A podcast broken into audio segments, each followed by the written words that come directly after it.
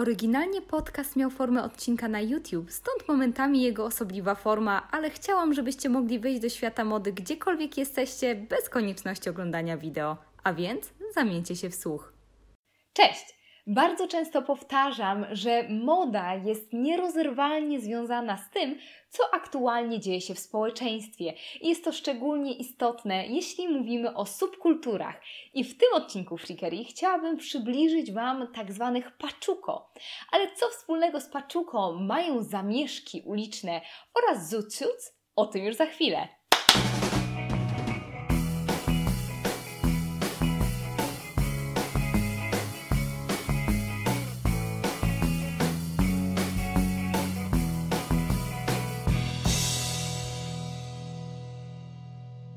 Zawsze, zacznijmy od kilku słów o tle historycznym, ponieważ, jak doskonale wiecie, Stany Zjednoczone od zawsze stanowiły Mekkę dla imigrantów, miejsce, gdzie każdy mógł zacząć od nowa. Stany Zjednoczone były postrzegane jako taka matka wygnańców, miejsce możliwości i wielu szans dla osób, które nie doświadczały szczęścia w swoim kraju macierzystym. Stany Zjednoczone stały się szczególnie smakowitym kąskiem dla wielu imigrantów w okolicach lat 20., kiedy to po I wojnie światowej kraj jeszcze bardziej rozkwitał i faktycznie bardzo wiele osób dorabiało się fortun. Właśnie w okolicach lat 20. był zauważalny wzmożony ruch osób z Meksyku do Stanów Zjednoczonych. Ludność Meksyku przekraczała kalifornijską granicę na ogromną skalę.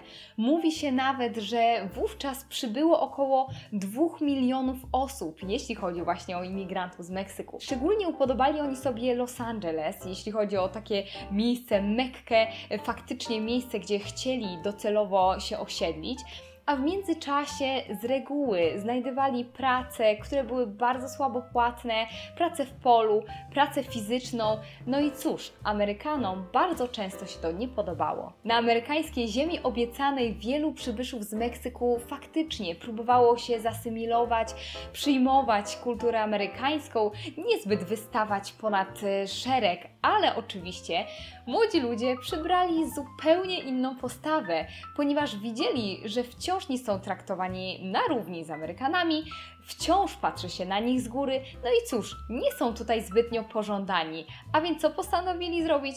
postanowili stanąć okoniem. Bardzo wielu młodych Meksykanów ciągnęło do El Paso, ponieważ El Paso stało się industrialnym centrum, miejscem, które miało oferować bardzo dużo pracy. I właśnie tam mówi się, że y, powstało właśnie Pachuco, czyli forma pierwszego meksykańskiego gangu, pewnego rodzaju organizacji młodych, zbuntowanych osób, które dzieliły nie tylko podobny sposób myślenia, ale też podobną garderobę. Pamiętacie, że wspomniałam o tym, że Meksykanie stawali okoniem? No właśnie, w jaki sposób?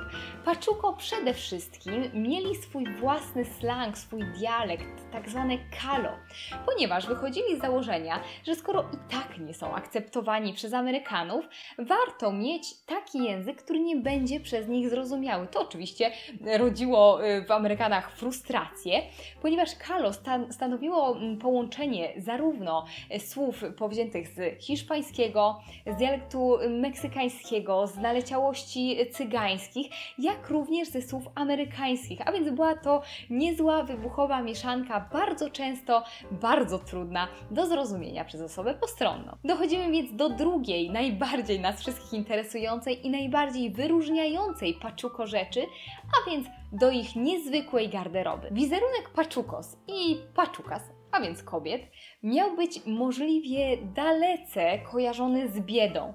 Czyli mężczyźni chcieli być postrzegani jako playboye, kobiety miały być postrzegane jako gwiazdy filmowe, czyli osoby o dużo wyższym statusie materialnym niż było to w rzeczywistości. I tutaj bardzo wielu badaczy nawet robi nawiązania do flaperek, ponieważ oni właśnie chcieli tacy być beztroscy, zajmujący się zabawą, mający zapomnieć o tym, że w rzeczywistości jest dużo, dużo trudniej. Paczukos to przede wszystkim zutsut, a więc niezwykle przerysowany w swojej formie garnitur, który był szczególnie upodobany przez Afroamerykanów, ale właśnie również inne mniejszości etniczne. Zutsu to przede wszystkim bardzo szerokie spodnie z wysokim stanem, które na dole były zwężane. Ponadto były drapowane, a więc na stworzenie tego garnituru naprawdę musiało pójść bardzo wiele materiału. Jeśli chodzi o marynarkę, była ona bardzo długa, sięgała niemal do kolan, miała bardzo duże poduszki, bardzo szerokie klapy. Jak widzicie, używam cały czas słowa bardzo, ponieważ ten garnitur był przerysowany, był bardzo charakterystyczny, dla wielu zabawny i naprawdę się wyróżniał. E, co więcej, jeśli chodzi o Zutsu, Paczukos bardzo często używali również e, takich akcesoriów jak łańcuch, który był przypięty właśnie do tej nisko kończącej się marynarki. Upodobali sobie również kapelusze, czyli na przykład zwykłą fedorę lub też kapelusz w kształcie naleśnika, jakiekolwiek inne nakrycie głowy, czasami nawet sombrero. A jeśli chodzi o fedorę, y, zatykali tam kolorowe, długie pióro, a także nosili długie włosy. A więc to wszystko było tak dalekie od obrazu przeciętnego Amerykanina w latach dwudziestych, jak to tylko możliwe. Zutsut kompletnie zaburzał proporcje, jeśli chodzi o sylwetkę, ponieważ noszący go mężczyzna był niezwykle szeroki w barach, wąski w talii, a także miał bardzo wydłużoną część tułowia. I tak jak wspomniałam, na uszycie takiego garnituru y, musiano zużyć masę, masę materiału. A w latach 40., ponieważ teraz właśnie do tego okresu dochodzimy, było to szczególnie kontrowersyjne, ponieważ materiały, jak wiemy, były racjonowane. A więc nie tylko osoby, właśnie jeśli chodzi o społeczeństwo amerykańskie, patrzyły z góry na tę dziwną modę i dziwacznie wyglądające garnitury, co więcej, pukały się w czoło, ponieważ wiedziały, że były te materiały objęte restrykcjami, jeśli chodzi o wojnę. Paczukas, a więc kobiety, nosiły damskie wersje zutsut, e, które były oczywiście nieco bardziej dopasowane do kobiecej figury, a przy tym obcisłe ubrania, szerokie spódnice, a więc znowu zapala nam się czerwona lampka, jeśli chodzi o racjonowanie ubrań. Przy tym miały bardzo karykaturalne fryzury, mocno natapirowane włosy i okropnie ciężki makijaż. Czyli tutaj znowu ten wizerunek był przerysowany i dla wielu Amerykanów wręcz wulgarny, wyzywający i wiele kobiet, właśnie jeśli chodzi o e, Meksykanki, było postrzeganych jako prostytutki. Napięcie w społeczeństwie rosło. Amerykanom nie podobało się to, że nie rozumieją paczukos, wyglądają oni dziwnie, zabierają na randki ich córki i do wczesnoporannych godzin tańczą jive'a. A co więcej, najbardziej nie podobało im się ich takie buńczuczne, właśnie zbuntowane podejście, ponieważ swoimi kolorowymi, ekstrawaganckimi ubraniami pokazywali im po prostu środkowy palec. W roku 1942 oczywiście krzywdzące uprzedzenia przerodziły się w poważną, zaognioną sytuację poprzez tak zwane morderstwo w Sleepy Lagoon. Otóż pewnego dnia znaleziono na poboczu drogi umierającego Jose Diaz. Miał on urazy czaszki i oczywiście poszukiwano sprawców. Kto był najłatwiejszym celem? Wiadomo, Paczukos, i co bardzo ciekawe, wtedy zaczęło się prawdziwe polowanie na czarownicę, ponieważ zatrzymano ponad 600 osób. Prawie 200 osób zostało skazanych za drobne przewinienia, a 17 osób zostało skazanych za morderstwo. A więc ten cały proces odbił się szerokim echem w całych Stanach Zjednoczonych i do dzisiaj e, jest używany jako przykład procesu, gdzie rasizm był pokazany w swojej najbardziej obrzydliwej formie. Co mam na myśli?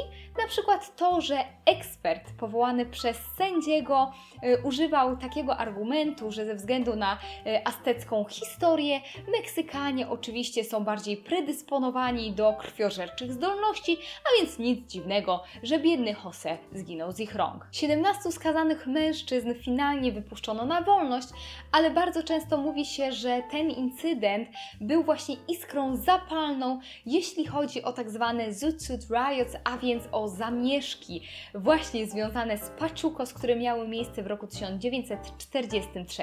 Popularność Pachucos wśród ludności meksykańskiej rosła, a więc coraz większa liczba Amerykanów z przerażeniem obserwowała tych młodych mężczyzn i kobiety paradujących w dziwacznych strojach i mających za nic właśnie przepisy związane z racjonowaniem materiałów.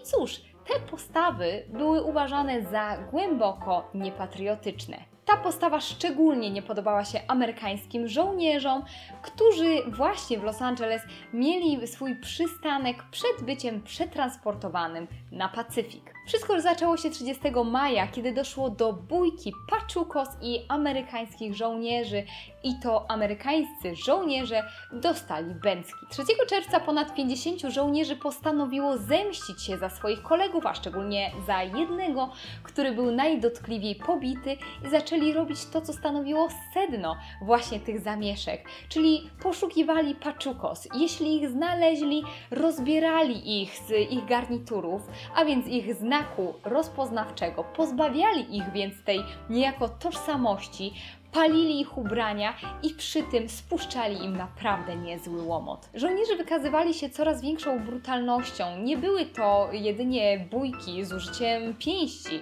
Mieli ze sobą kije baseballowe, cokolwiek tak naprawdę nawinęło im się pod rękę i bardzo wielu paczukos było naprawdę dotkliwie pobitych, a warto o tym pamiętać, że często były to po prostu nastoletnie dzieciaki. Od 4 do 6 czerwca agresja tylko przybiera na sile, ponieważ oczywiście oprócz atakowania paczukos atakowali również wszystkich, którzy wyglądali jak paczukos, a więc co łatwo sobie tutaj yy, wyobrazić, atakowali po prostu Meksykanów a więc bójki były na porządku dziennym i non-stop, non-stop trwały zamieszki, które były szeroko komentowane w mediach. 7 czerwca uznawany jest często za punkt kulminacyjny, jeśli chodzi o te zamieszki, ponieważ wówczas przybyło prawie 5 tysięcy żołnierzy.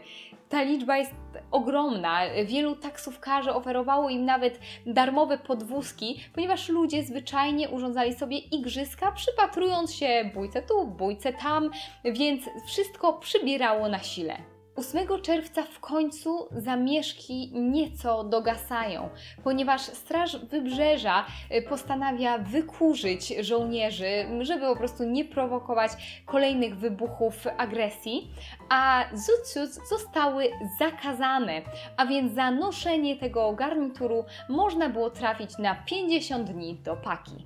Jeśli chodzi o rządowy raport, na początku pojawiały się głosy, które mówiły o tym, że źródłem tego wszystkiego był rasizm, ale oczywiście finalnie wszystko przypisano tym wstrętnym paczukos, którzy byli tacy niegrzeczni i nosili te paskudne garnitury. Jeśli chodzi o nawiązania do paczukos w kulturze popularnej, jest ich oczywiście cała masa, ale sądzę, że warto wspomnieć o scenie, która otwiera film Moja Ameryka oraz o masce, którą gra Jim Carrey, czyli maska ma tutaj na sobie właśnie zutsut, który jest w tym strasznie jaskrawym, żółtym kolorze.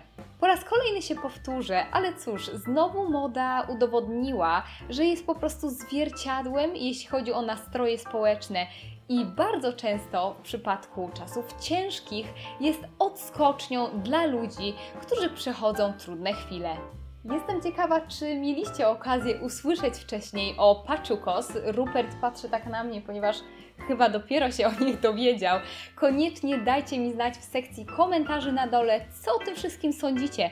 Może dopowiecie coś ciekawego do tej historii. Ja już teraz zapraszam Was do subskrybowania kanału, żebyście zawsze byli na bieżąco, a także do obserwowania mnie na Instagramie ponieważ tam nieco częściej daję znać, co u mnie słychać i już teraz zapraszam Was do oglądania kolejnych odcinków Freakery.